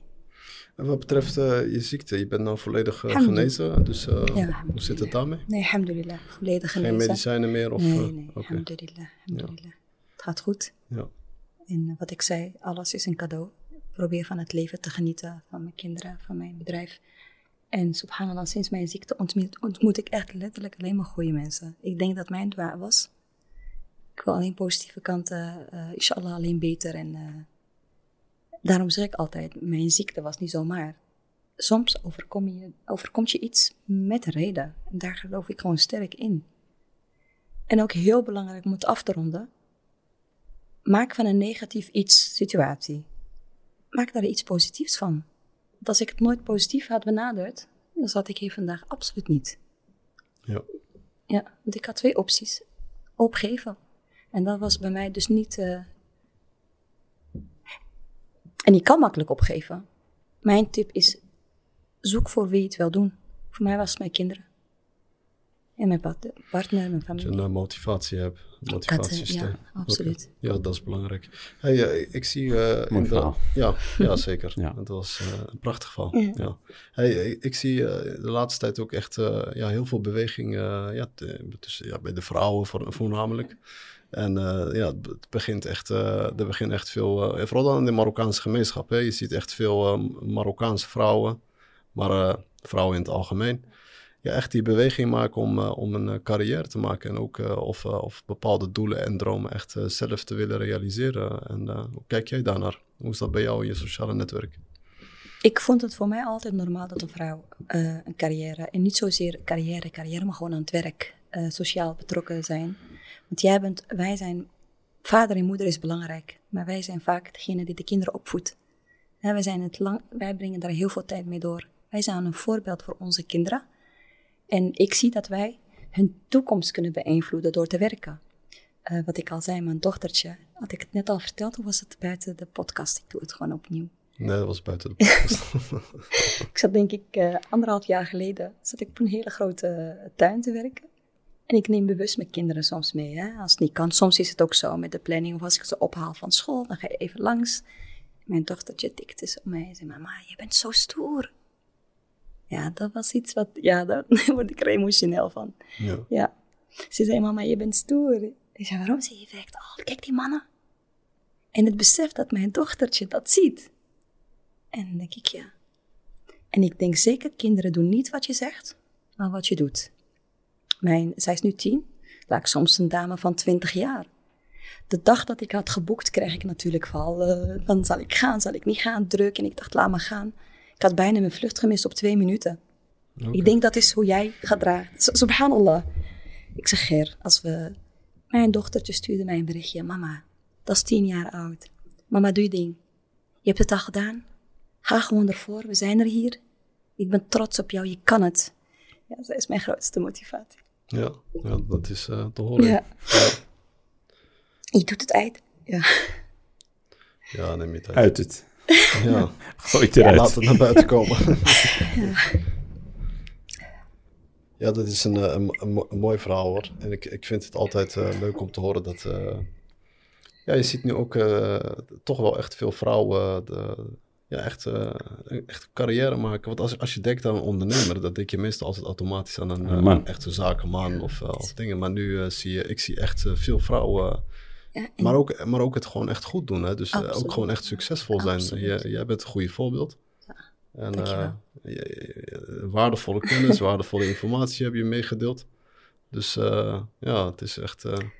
Wat zou je ze willen adviseren eigenlijk dan, als we vooral naar, de vrouwen toe? Ja, ik denk dat het ook door de komst is van social media. terug naar rolmodellen. Vroeger zagen we dat niet. Er waren altijd vrouwen aan het werk. Ja. Maar met de komst, ik vind altijd social media, veel kijken er negatief naar. Maar ja, als je het positief, het is maar hoe je dingen aanpakt. Ja, het is maar hoe je het gebruikt, ja. Absoluut. Ja. En uh, doordat we elkaar zien, denk ik, ja, zij het kan, kan ik het ook. Hè? Ik heb het bij andere vrouwen gezien. Ik heb heel veel rolmodellen op social media. En heel veel vrouwen kijken naar mij op. In het begin, ja, heb je het niet door. Ik denk, dat is een enorme verantwoordelijkheid. Dat is ook de reden dat ik heb gezegd, ja, van ik kom. Er is mij altijd gevraagd, doe je verhaal. En ik denk, ja, waarom zou ik dat doen? En, het, het is mijn ding. Maar ik vind ook naar die vrouwen toe. Durf, geloof in jezelf. We hebben allemaal, allemaal talenten. Al is het, ik ben heel goed in lumpia's bakken. Ik kan zo een lumpia-kraam beginnen of beginnen te rollen als ik niet een tuinbedrijf zou doen. Het hoeft geen groot idee. ik ben begonnen met 60 euro. Ik zeg altijd, want ik heb voor de stad Antwerpen gewerkt natuurlijk acht jaar. Ik ben niet zomaar zo aan het praten, ik ben een coach ook. En ik, ik, ging altijd de, ik had altijd de focus bij de nieuwkomers van je bent hier in een nieuw land en ik kan je veel leren. Mensen kwamen vaak naar die cursussen verplicht. Ik heb het altijd een draai gegeven. Nee, ik ben hier betaald voor jou zes weken lang. Het is maar hoe jij mij gaat gebruiken. En dan hebben ze heel een andere setting naar jou toe, de mindset van ja, ik zeg vraag, wat wil je? En uh, ik zie nu heel veel mannen en vrouwen die toen heel kort uh, in België waren, echt ondernemingen draaien. Die ken ik, want ik heb een enorm netwerk in Antwerpen. Dat maakt me zo trots. Dat ik denk, subhanallah, je moet het zaadje planten, je moet wachten. Je hoeft geen resultaat te zien. En ik zie het nu achteraf. En ik geloof echt in vrouwen. We kunnen heel veel. Want als ik kom bij offertes, ik heb wel klanten gehad die zeggen, oh, hoe ben je alleen? Waar is je man? Ik zeg, nou, je zult het vandaag maar met mij moeten doen. Want, uh, en dan, dan, is het niet erg. Ik vind het ook nooit erg. Ik, ik begrijp het. Maar op het moment dat je begint te begrijpen en je hoort je, je hebt kennis van zaken, verdwijnt alle onzekerheid. Dus gewoon geloof in jezelf. Want als ik ook niet in mezelf zou geloven, zou een ander mij doorhebben. Ik sta heel sterk als ik aankom uh, voorbereiden. Het is niet makkelijk. Uh, en ik kom ook op mijn pad nieuwe dingen waarvan ik denk, oh, ik heb het nog nooit gedaan, is best spannend. Dat mag. Maar het is een proces. En uh, voor vrouwen die willen ondernemen om daar advies te geven, van start vandaag, wacht niet tot morgen. Want dat, kijk, angst heb je. En wij hebben het heel vaak in de, in de event over angsten. Want dat is eigenlijk het verschil of waar de grens is om iets te ondernemen. Ga je die grens over of blijf je ervoor? Die angsten zijn er. Maar wat doe je ermee? Maak daar een uitdaging van. Waarom heb je angsten? Moet je de vraag stellen. Waarom? Kan ik het niet? Heb ik geen zelfvertrouwen? Zijn, het mijn kinderen? Is het mijn man? Is het mijn omgeving? Nou, als je dat allemaal hebt uitgezocht, volgende stap. Ja, maar vaak hoor ik van vrouwen of je leest in topics, hè, want ik heb nu een Facebookgroep en dan zie ik natuurlijk de vragen van, uh, ja, maar ik weet niet wat ik leuk vind. Of random op Facebook, dan vraagt iemand, ja dames, ik heb 20.000 euro en ik wil iets doen. Wat adviseren jullie mij? Ik vind het een hele lastige als ik dat lees. Mijn advies is, ken jezelf. Het is heel gevaarlijk om die vraag te stellen. Ik ga jou nu, ja toch? Het is ook moeilijk om te beantwoorden. Antwoorden, want ik vind, ik ken jou niet. Ik vind, ik vind dat eh, iedereen met een idee moet komen en uh, zelf, zelf die pad moet gaan bewandelen. Je, kan, je kan een bepaalde algemene advies geven, bijvoorbeeld eh, hoe je hoe je, je kracht bij elkaar zet of hoe je die angsten kan overwinnen of dergelijke. Maar je, kan, je moet het zelf doen. En het, het, blijft altijd zo, je moet, je moet alles moet je zelf doen. Ja, en mijn antwoord is ook altijd van, ja, wij willen weer helpen op de volgende stappen en hoe, dan kan je, dat kan je wel, want dat is algemeen. Maar om te beginnen ligt het echt in jouw handen. Mijn advies is, zoek jezelf eerst uit. Dat is mijn advies altijd tegen de mensen of altijd mijn cursus. Wie ben jij? En dan kom je tot een bepaalde conclusie. Wat zijn je krachten, je talenten, je passie? Kan ik daar iets mee? Is het haalbaar? En dan komen de stappen van, als ondernemer natuurlijk, je maakt een plan, financieringsplan. Is het haalbaar of niet? En dan leg je plannen op tafel of je laat ze voor de volgende keer. Maar wat heel belangrijk is, en dat is mijn advies, is kritisch naar jezelf kijken. Eerlijk zijn tegen jezelf. Vaak durven we niet onze zwaktes onder ogen te komen. We, hebben allemaal, eh, we zijn niet perfect, hè? Niemand, niemand is perfect. Ja, ik, ik denk mijn kracht is omdat ik weet waar mijn zwaktes liggen soms is het heel moeilijk en ik, uh, elke keer ontdek ik wel een nieuwe. Maar het is kritisch naar jezelf, van wie ben ik? En zei, oké, ik ben in heel veel dingen goed. Hè? Ik kan snel uh, omschakelen. Je, je, kan heel snel je krachten benoemen, maar heel, heel weinig je, je, je mindere kanten benoemen. Omdat het dat een beetje moeilijk is voor de mens. Ja, omdat iedereen constant bezig is om alleen maar het goede te laten zien. Of het wel goed is eigenlijk. Weet je, dat is ook de vraag. Absoluut. En de druk op social media, de mensen om je heen, die wil altijd uh, picture perfect laten zien. En je hersenen gaan dat geloven. Ja, je creëert een creëert, fantasiewereld. Ja, jij gelooft hem als eerste. Eigenlijk zit je jezelf te, te blazeren. Stap uit die uh, illusie. Ken jezelf. Heb tijd, neem, neem de tijd. Wat kan ik niet goed? Wat belemmert mij om mijn droom te volgen? En ik heb ze elke dag, want als ik nieuwe dingen, eh, als ik iets nieuws wil ondernemen of een stap, naar Marokko bijvoorbeeld, waarom wil ik niet komen? Eh, wat is mijn, uh, bijvoorbeeld als je, hier, als je hier onderneemt, mensen maken jou bang. Klopt, denk ik, als ik hier kom, hier ben ik een beetje zwak in, mensen kunnen daar misbruik van maken. Probeer jezelf te kennen, positief en negatief. En als je een totale plaatje hebt, dan kun je eigenlijk uitzoeken van uh, wat wil ik. En ik zeg voor de vrouwen, handen in elkaar slaan, dames. ik hou van samenwerken. Er is werk voor iedereen. Uh, probeer een front te vormen. En gewoon te groeien. Gun. Gunfactor moet heel hoog zijn. Als, als ik iets doe, als ik, iets, als ik zie dat ik jou ergens bij kan helpen, waarom zou ik dat niet doen?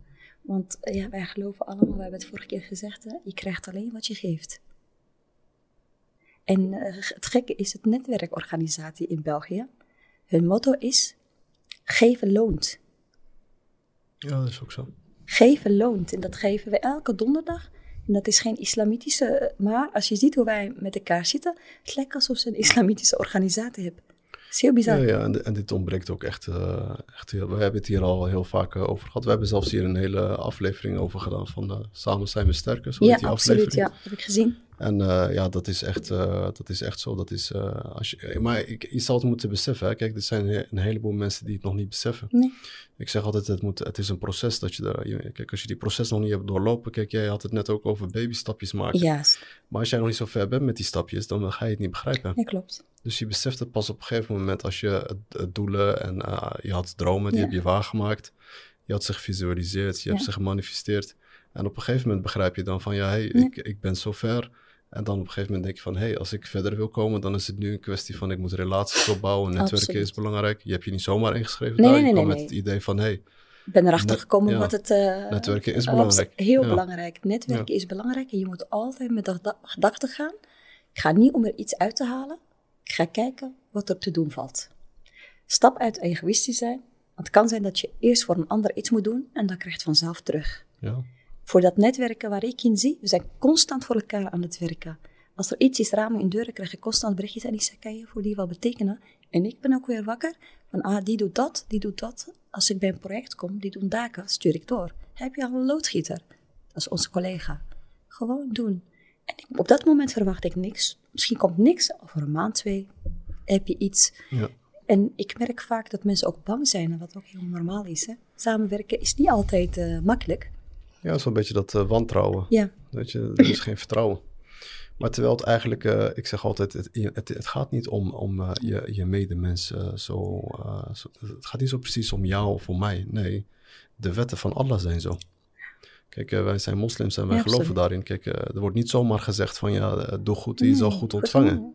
Dat is met de reden. Ja, en ik denk wij ondernemen toch, we zijn nu allemaal ondernemers. Wij denken toch, we handelen toch denk ik op islamitische wijze. Ja, zo, en dat is gun een ander wat je jezelf wilt en eerlijk zijn, als we dat allemaal niet zouden doen. En dat stukje samenwerken is gewoon super belangrijk, hè? Anders zouden wij allemaal alleen leven, maar wij zijn mensen, mensen, we zijn er voor elkaar. Ja. jij kan dat doen, en ik ben goed in iets anders. Laten we de krachten bundelen, dan ontstaan er alleen maar mooie dingen. Ik heb het altijd zo gezien. En uh, om de wereld te veranderen begin je bij jezelf. Ergens moet je in stappen, moet je niet wachten op een ander. Klopt. Het gaat misschien niet morgen zijn, maar het is wel fijn als het, als het later met kinderen, als we allemaal met z'n allen, en het heeft twintig jaar nodig, ja, dan is, dan is het maar zo. Maar nooit zeggen van ja, ik ja. ga niet starten omdat het nog niet zo is. Uh, maar je wilt samenwerken, is prima. Ga ervoor. Maar als je merkt dat de ander die proces nog niet heeft bereikt, ja, dan gaan scheiden ja, je dat wegen. Dat is vaak het probleem. Ja, ik heb het vaak gehad, ook bij het event zelf. Hè. Ik heb hele mooie gesprekken gevoerd, maar er waren ook wel een paar die hadden zoiets van, ja, omwille van uh, factoren. Maar dat voel ik ook. Het is intentie waar je mee komt. Uh, dat is uh, hoe ver ben je in het proces. En ik zeg ook, je maakt een bepaalde link niet om een reden. Er waren bijvoorbeeld iemand die uh, niet open, er was iemand die niet open stond voor, voor een samenwerking. Maar ik zie die werkrelatie ook niet, want die krijgt een bepaald gevoel bij. Ja, ik wil ook niet. Je moet focussen op een groep dat. Uh, want je entourage is super belangrijk. Hè? Je kan werken, je kan zo goed zijn, maar als je met de verkeerde mensen omgaat, een verkeerde omgeving, is dat eigenlijk je breekpunt, vind ik. Ik, heb, uh, ik uh, maak me nu heel veel los van heel veel mensen. Het is, het is echt moeilijk. Maar ik denk, ja, omring je met de mensen die ook hetzelfde gedachten hebben, positief in het leven staan. Het klinkt niet het is niet radicaal. Ik zeg het puur. Die mensen doen het ook soms dat ze jou willen behoeden. Als ik morgen zeg ik wil naar Marokko komen, je weet.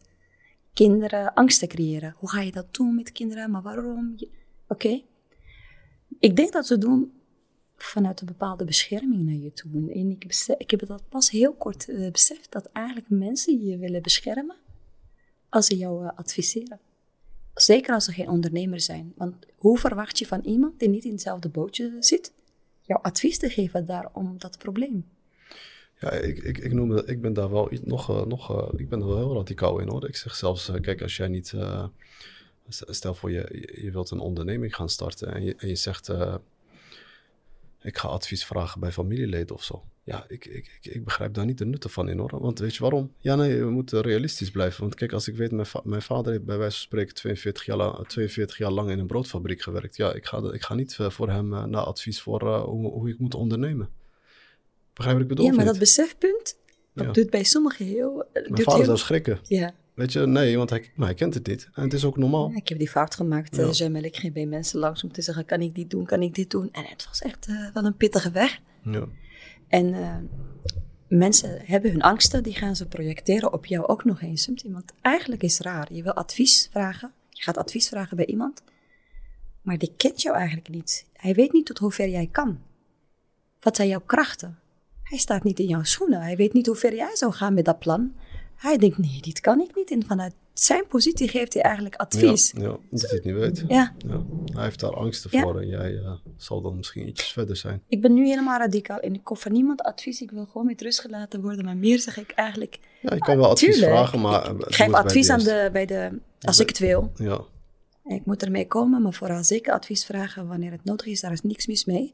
Maar ik vind ook gewoon... Probeer mensen niet te demotiveren als mens. Ja, maar ze, eh, kijk, eh, kijk tegelijkertijd. Ongevraagd te zijn. Ik vind niet ongevraagd. Nee, maar kijk, tegelijkertijd, uh, Anissa, we moeten iets begrijpen. Omdat wij advies vragen aan mensen die het niet weten. Kijk, uh, zij, je hebt het net al geschetst. Zij ja. kijken vanuit hun eigen perspectief. Ja. Zij hebben angsten daarvoor. Zij weten dat zij dat niet kunnen. Ja. Dus dan geven zij antwoord op basis van wat zij weten. Ja.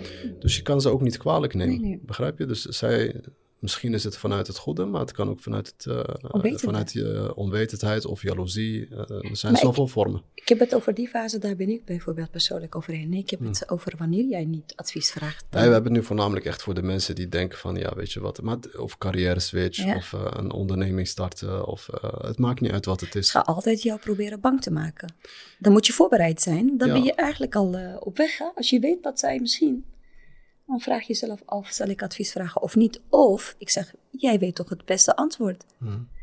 Eigenlijk vraag je ook advies omdat je ook onzeker bent en bang bent. En je wil die push en die krijg je niet. Ik zeg je eerlijk, ik zeg altijd, kijk, iemand die, uh, die een doel voor zich heeft. Die gaat ervoor. Die praat met niemand hoor. Ja, dat is waar. En, en, en, en iemand die wel praat, in de meeste gevallen, dan is het iemand vaak gewoon die op zoek is naar een reden om hem te overtuigen dat hij het gewoon niet moet doen. Ik ga, ja, absoluut. Ik ga iets zeggen in ons geloof. En zeg, uh, als je iets doet, uh, dan moet je shma, dat is met de gedachtegang. Als je iets wil doen, je zegt het aan iedereen één. Het kan mislukken door heel veel uh, zaken. Mensen gaan saboteren, jaloezie, noem maar op, toch? Maar een ander belangrijk onderdeel waarom eigenlijk je iets moet doen, niet moet vertellen, zodat de teleurstelling niet, uh, de wereld ingaat. Hè? Je gaat dat doen, ik ga dat doen en het lukt niet. Nou weet iedereen dat het jou niet is gelukt. Ja, dat is uh, inderdaad een van de redenen ja, dat je het eigenlijk niet zou moeten doen. Nee, ja. los van dat je het gaat waarmaken of niet. Maar, maar zo word je ook op een gegeven moment gezien dan, hè? Kijk, uh, ja. ik ken een heleboel, die hebben heel veel ideeën. Ik ga dat verkopen, ik ga die opstaan en ik ga die daar naartoe tillen en ik ga daar naartoe en ik ga dit verkopen. En hij heeft zoveel projecten. maar jij weet al van tevoren dat hij altijd al heel veel ideeën had. Maar hij, doet, hij gaat niks doen, want het is zijn gewoonte. Klopt. Heeft hij zichzelf helemaal bewust in die positie geplaatst, zodat je zo over hem gaat denken. Want als hij dat niet zou doen, en van de tien projecten twee zou vertellen, eh, twee zou doen en twee zou slagen, is prima. Maar nee, het gaat echt puur. Dan vind ik een hele belangrijke, is me op aangewezen. Niks vertellen. Want dan is het niet de teleurstelling of dat je het niet hebt gehaald, dan dat iedereen het ook ziet, hè? Kijk, uh, je kan het vertellen. Ah, kijk, stel voor dat je een, een netwerk zou hebben met, uh, met uh, goede ondernemers om je heen. En je wilt hier en daar wat advies van iemand die, uh, die al in het schuitje zit. Dat zou mooi zijn, begrijp je? Maar ga jij het vertellen aan familieleden of kennissen of vrienden die daar die gewoon helemaal niks... Nee, maar dat is wat anders. Op het moment dat je plan hebt, doe je ook onderzoek. Je bespreekt ook met je accountant, met je boekhouder. Ga je ja. langs Ja, zelfs met hem adviseer ik... maar je doet bepaalde dingen. Want hij is maar een accountant, al. anders was hij ondernemer. Maar je vraagt bepaalde zaken, hoe ga ik met bedrijfsvormen? Maar ik bedoel, op het moment dat je. Ja, zeker. Maar ik bedoel gewoon random personen. Gewoon niet in het begin aan iedereen. Doe eerst je plan. Kijk, slagingskans. Ben je concreet bezig, dan moet je het naar... Uh... Ja, maar zoals je gewoon zei, uh, gewoon ervoor gaan. Heb je een doel, ga ervoor. Ga ervoor, en, ga ervoor. En het, ik, maak die verandering. Maak die verandering nou eens voor een keer. Weet je, want je hebt vaak heel veel ideeën gehad. En, en zelfs die mensen die al die ideeën hebben, ze willen het wel heel graag. Of ja, of ook weer niet. Dat kan ook. Want daar, daar hadden we het laatst nog over. Hè? Dat zeg ik ook tegen jou van... Als je kijkt naar, naar, naar mensen die altijd met ideeën komen... willen ze het wel echt. Want als hij het zou willen, dan zou hij ervoor gaan. Toch? Dan ja, maakt dat is... toch niet uit wat hij hoort. Of is het een gezelligheidsgesprek? Ja. Ik denk het ook, maar ik weet wat het ook kan zijn. Het kan heel veel vorm hebben. Het kan zijn uh, om een stukje uh, aan te tonen van uh, dit is wie ik kan worden. Ja, ja, absoluut. Begrijp je? Ego. Ja. Kijk, iets doen gewoon met woorden, dat is makkelijk. Hè? Dat doen we allemaal. Hè? Ik heb morgen dit, ik doe dit. Maar daardoor, of effectief iets is moeilijk, maar ik denk dat die mensen dat vertellen, en ze, willen, ze hebben ideeën, maar de vraag is, willen ze het doen? Vaak willen die persoon het niet doen. Ik, heb, ik, kom, ik kom mensen tegen, of vrouwen met ideeën. Eerste keer, tweede keer, derde keer. En ik ben daar heel eerlijk in. Ik geef dan echt advies serieus. Ik word er echt moe van. Op een gegeven moment denk ik, ja, ga je het nou doen of ga je het niet doen? Of laat me met rust. Ken je dat? ja, het, het, het, is, het, is, een gewoon. Gewoon geleerd. Je doet het of je doet het niet. Maar ik denk dat iedereen zulke lui wel kent hoor. Zij, iedereen heeft dat. En dat is meestal om, kijk, één, door, uh, hij heeft in zijn eigen hoofd heeft hij een bepaalde fantasie of illusie gecreëerd, waar hij zelf in gelooft, waar hij constant zichzelf wil bewijzen dat hij wel iets gaat doen, en van dat je maar geduld moet hebben, maar je weet al van tevoren van dat hij toch niks gaat doen, weet je. En hij wil het zelf ook niet hoor. Ik denk in de meeste gevallen wil hij het gewoon ook zelf niet. Want hij is zelf heel erg verdwaald. Ja, absoluut. Want ik, ik kijk alleen maar naar jezelf of kijk alleen maar, eh, ik bedoel alleen maar naar Ali. Kijk, naar alle ondernemers die uh, ja, een, een, succes hebben behaald. Zij gaan niet, uh, als zij een doel voor, voor ja, als ik nou een doel voor mij zet en ik, ik, ik wil die doel gaan halen, dan ga ik dat met niemand bespreken. Ik bespreek dat met de mensen die ik nodig heb om die doel te kunnen behalen. En ik ga ervoor. Jamel, ja. toen jij je ondernemen begon, had je zekerheid? Ja, maar ik... 100 procent? Oh, had je zekerheid dat het zou slagen? Of, uh, okay, ik, ik geloofde dat het ging slagen. Oké, maar je had geen zekerheid? Nee, maar ik, als, ik zou, als ik zo zou gaan denken, dan had ik het niet gedaan. Nee, dat is ondernemer. Maar het verschil tussen ons, degene die het wel doet, in uh, die mensen, is dat ze het veilig willen hebben. Zwart op wit dat het zou slagen. Hoe vaak komen ze bij mij? Maar ja, wat denk je? Ja, blijft er risico. Los van dat je erin gelooft. Uh, kijk naar de corona. Uh, niemand had daarop gerekend. Er zijn heel veel zaken failliet gegaan. Ja. En heel veel mensen die toen uh, bijvoorbeeld horeca waren gestart, ja, dat was toch wel verschrikkelijk.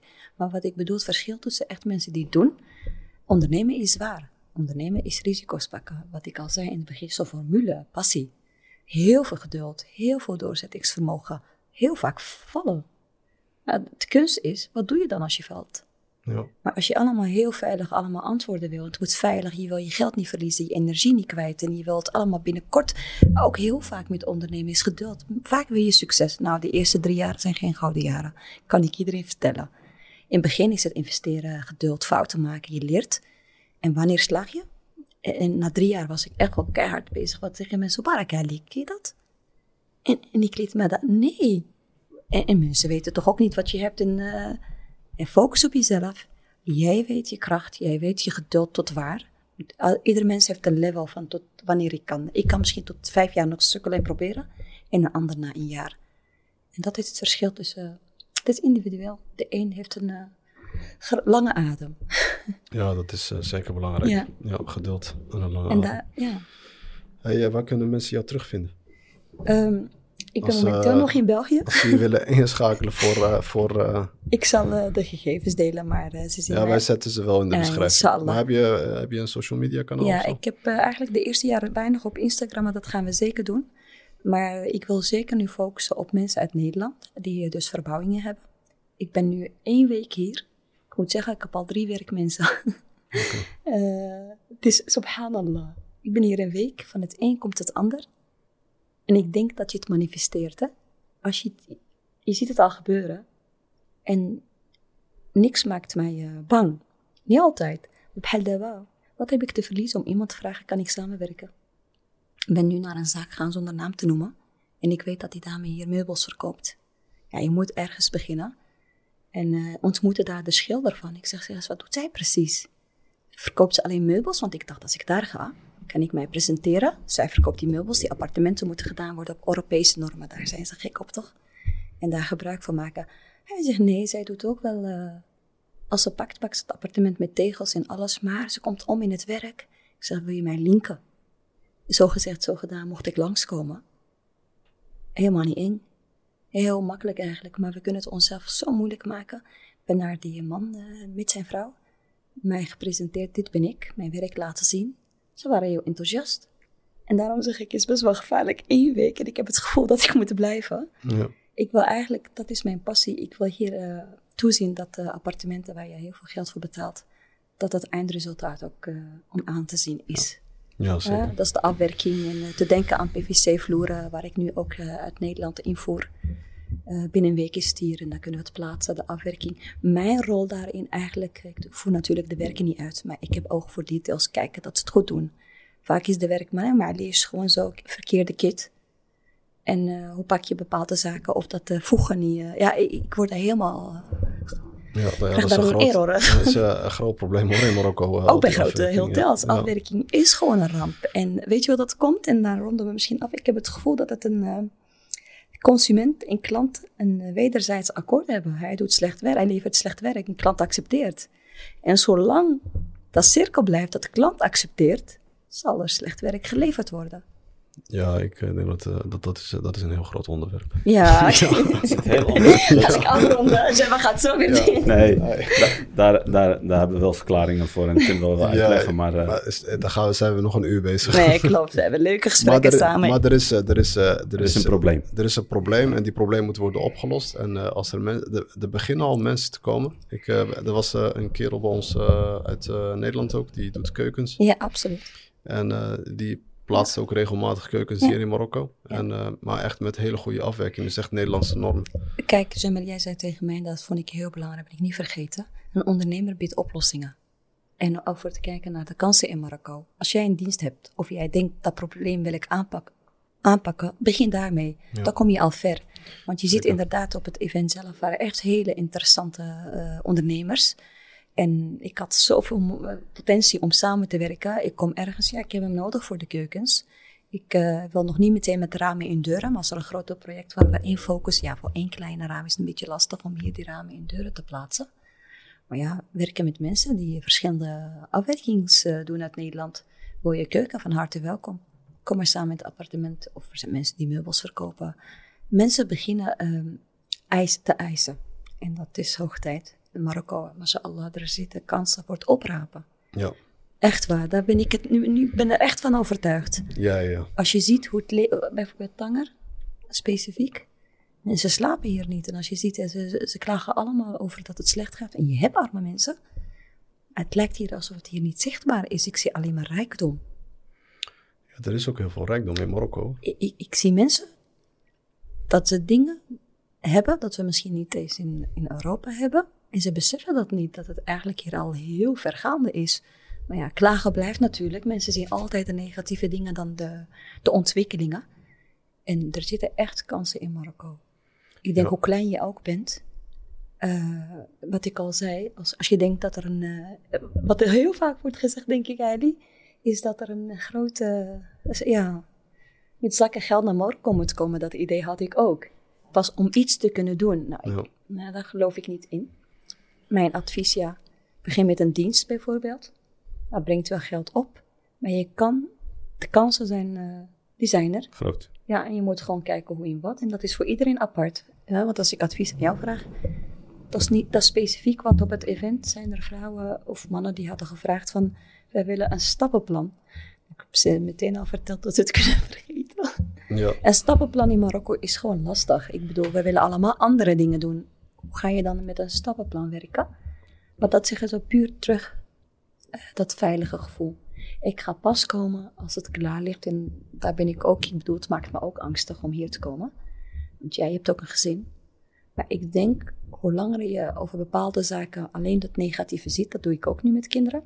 Van ja, nu school, studie. En ik ben erachter gekomen, nee hoor, mijn kinderen, ik wil die ondernemend. Dat gesprek met jou, hè. Hmm. Toen dacht ik, ja, ik wil dat mijn kinderen gaan ondernemen. En natuurlijk is uh, diploma heel belangrijk. En jezelf ontwikkelen en kennis opdoen. Maar Marokko is een land van ondernemen. Ja, met veel kansen. Met heel veel kansen. En de Marokkaanse heb... droom. Absoluut. Bizar, hè? Geen meter. Ja, alhamdulillah. Ja, nee. geen meter. Ja. Omdat er zoveel problemen zijn, hè? Ja. En dat is de reden. Ja, problemen zijn kansen. Problemen zijn... Ja. Uh, als je daar... Uh, maar wij, wij, gaan, uh, wij zijn keihard bezig om iets te organiseren in Nederland. Ja. En dat zal waarschijnlijk tegen eind van dit jaar zijn nog. Er is echt vraag naar uh, ja. die absoluut... En wat wij daar uh, willen gaan doen is, uh, maar dat is dan echt uh, voornamelijk vooral voor de mensen die echt naar Marokko ja. willen gaan verhuizen. Misschien om een eigen onderneming te starten of te komen werken. Ik sprak vandaag nog een koppel die, die naar, in september naar Marokko ja. gaat verhuizen vanuit België. En zij wonen in de omgeving Luik. Ah, ja. ja, maar ze spreken nog wel Nederlands. Klopt. ja. Dus, ja, dat is, En haar man die komt, die komt voor een callcenter werken als okay. teamleider. Ja. Gewoon uh, komt gewoon werken. Ja. ja. En zij gewoon de en zij was de lerares. Ja. En uh, ze had wat problemen met uh, de lesstoffen die daar werden gegeven, met die regenboogvlaggen. Het, en, is ook, ja. het is denk ik ook de reden dat heel veel Nederlanders in... Marokkaanse Nederlands. Marokkaanse Nederlanders. Nederlands. deze kant opkomen. En ik wil daar niet slecht over praten, maar je merkt wel dat de sfeer anders is dan vroeger. En ik, als ik vraag, als ik namens mij mag vragen, dat is de reden dat ik dat het aan mij begint te knagen om in Marokko te gaan ondernemen. Ja, je bent verantwoordelijk voor je kinderen. Je ziet, die kinderen zijn nu bijna vierde, vijfde generatie. En toch worden nog altijd, uh, ik woon in een uh, witte gemeente. Ja, als je denkt, als je ziet wat daar gebeurt, denk ik, ja, dat wil ik mijn kinderen niet. Uh. Ja. En dat is ook de reden dat ik altijd nu de kinderen leer om te ondernemen. Ik denk, het is geen trauma. Ik heb het zelf ervaren op mijn achttiende. Als ik toen had geweten, of geen diploma, en is doe gewoon. Dat was, was voor mij een wereld, uh, had dat een wereldverschil uh, gemaakt. Maar goed, en ook nu naar de luisteraars, voor de moeders of de vaders. Onze kinderen, wij zijn verantwoordelijk voor. Het is hoe jij ze kneedt.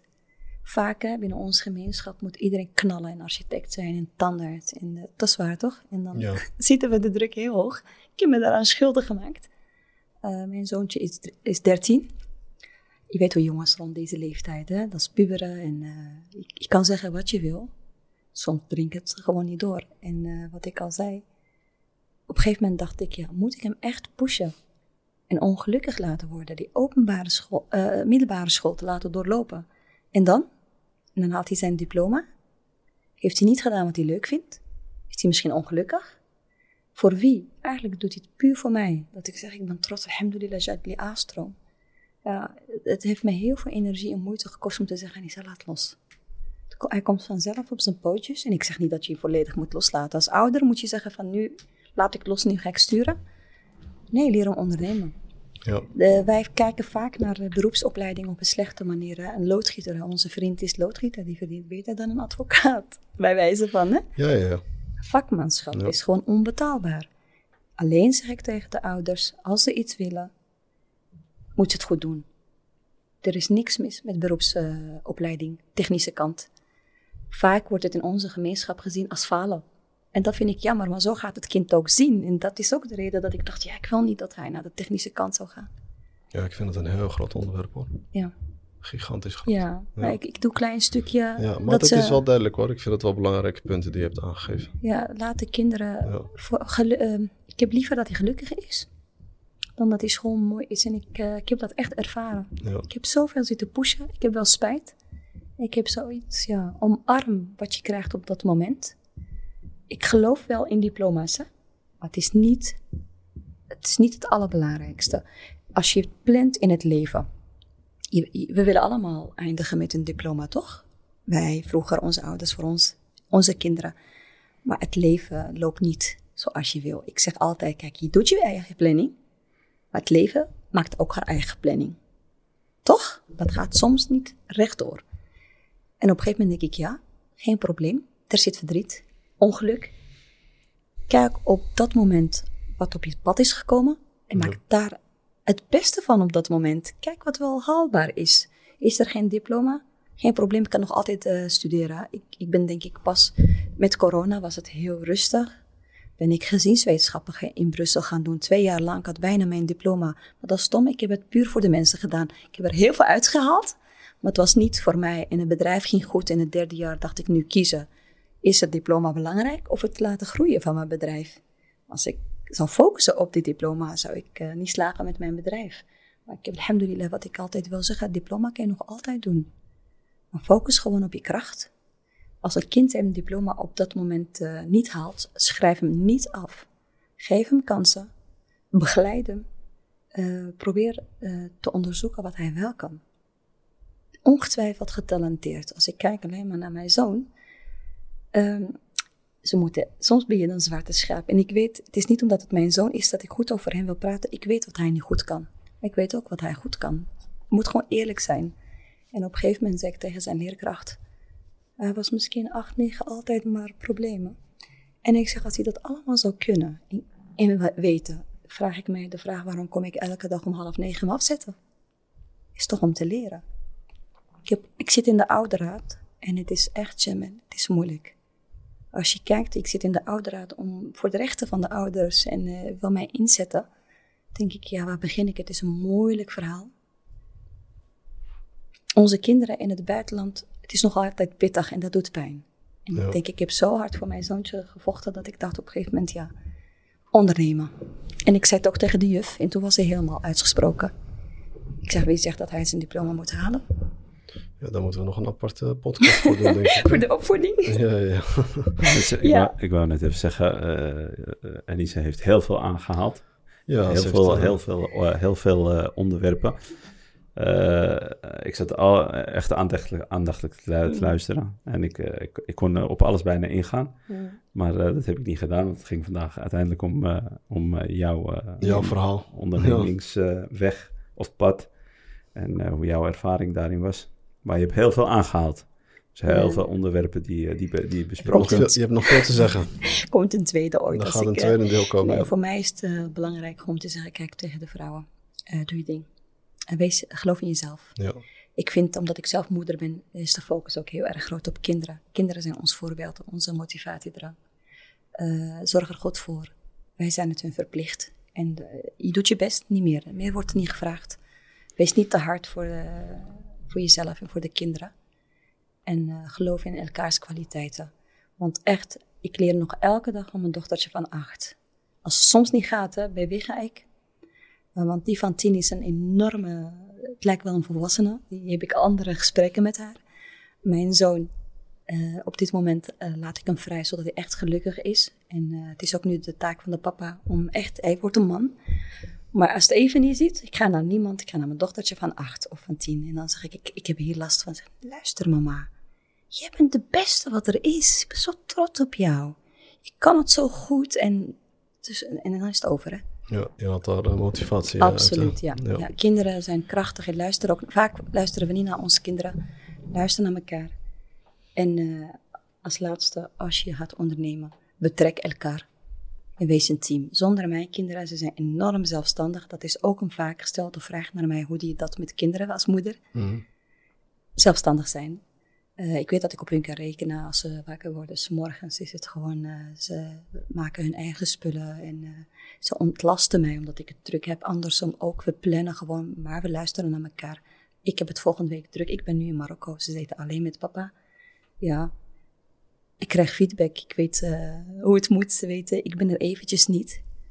En ondernemen, daar hoort opofferingen erbij en dat moeten mensen ook weten. Het is geen makkelijke weg. Het is wel, als je het mij vraagt, is het de beste weg die er is. Ja, zeker. Dat zijn mooie woorden.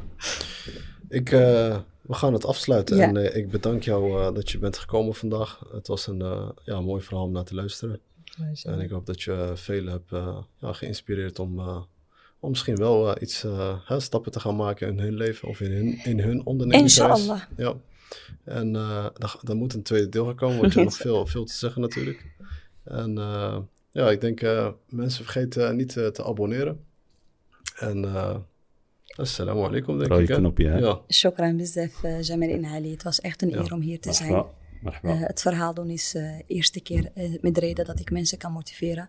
Zeker abonneren, want sinds ik de podcast... ik alleen maar aan het luisteren en ik laat ook aan mijn zoontje luisteren van...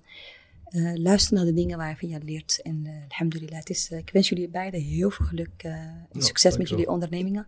Maar ook zeker met hopelijk dat we jullie als voorbeeld voor ons, voor de, voor de meetings in de business events. Want daar is enorme vraag naar en ik wil zeker mee groeien en helpen waar het nodig is, zeker voor, voor het netwerken. Voor de vrouwen van harte welkom als er vragen zijn. absoluut. Shukran. Shukran. Graag gedaan. Assalamu alaikum.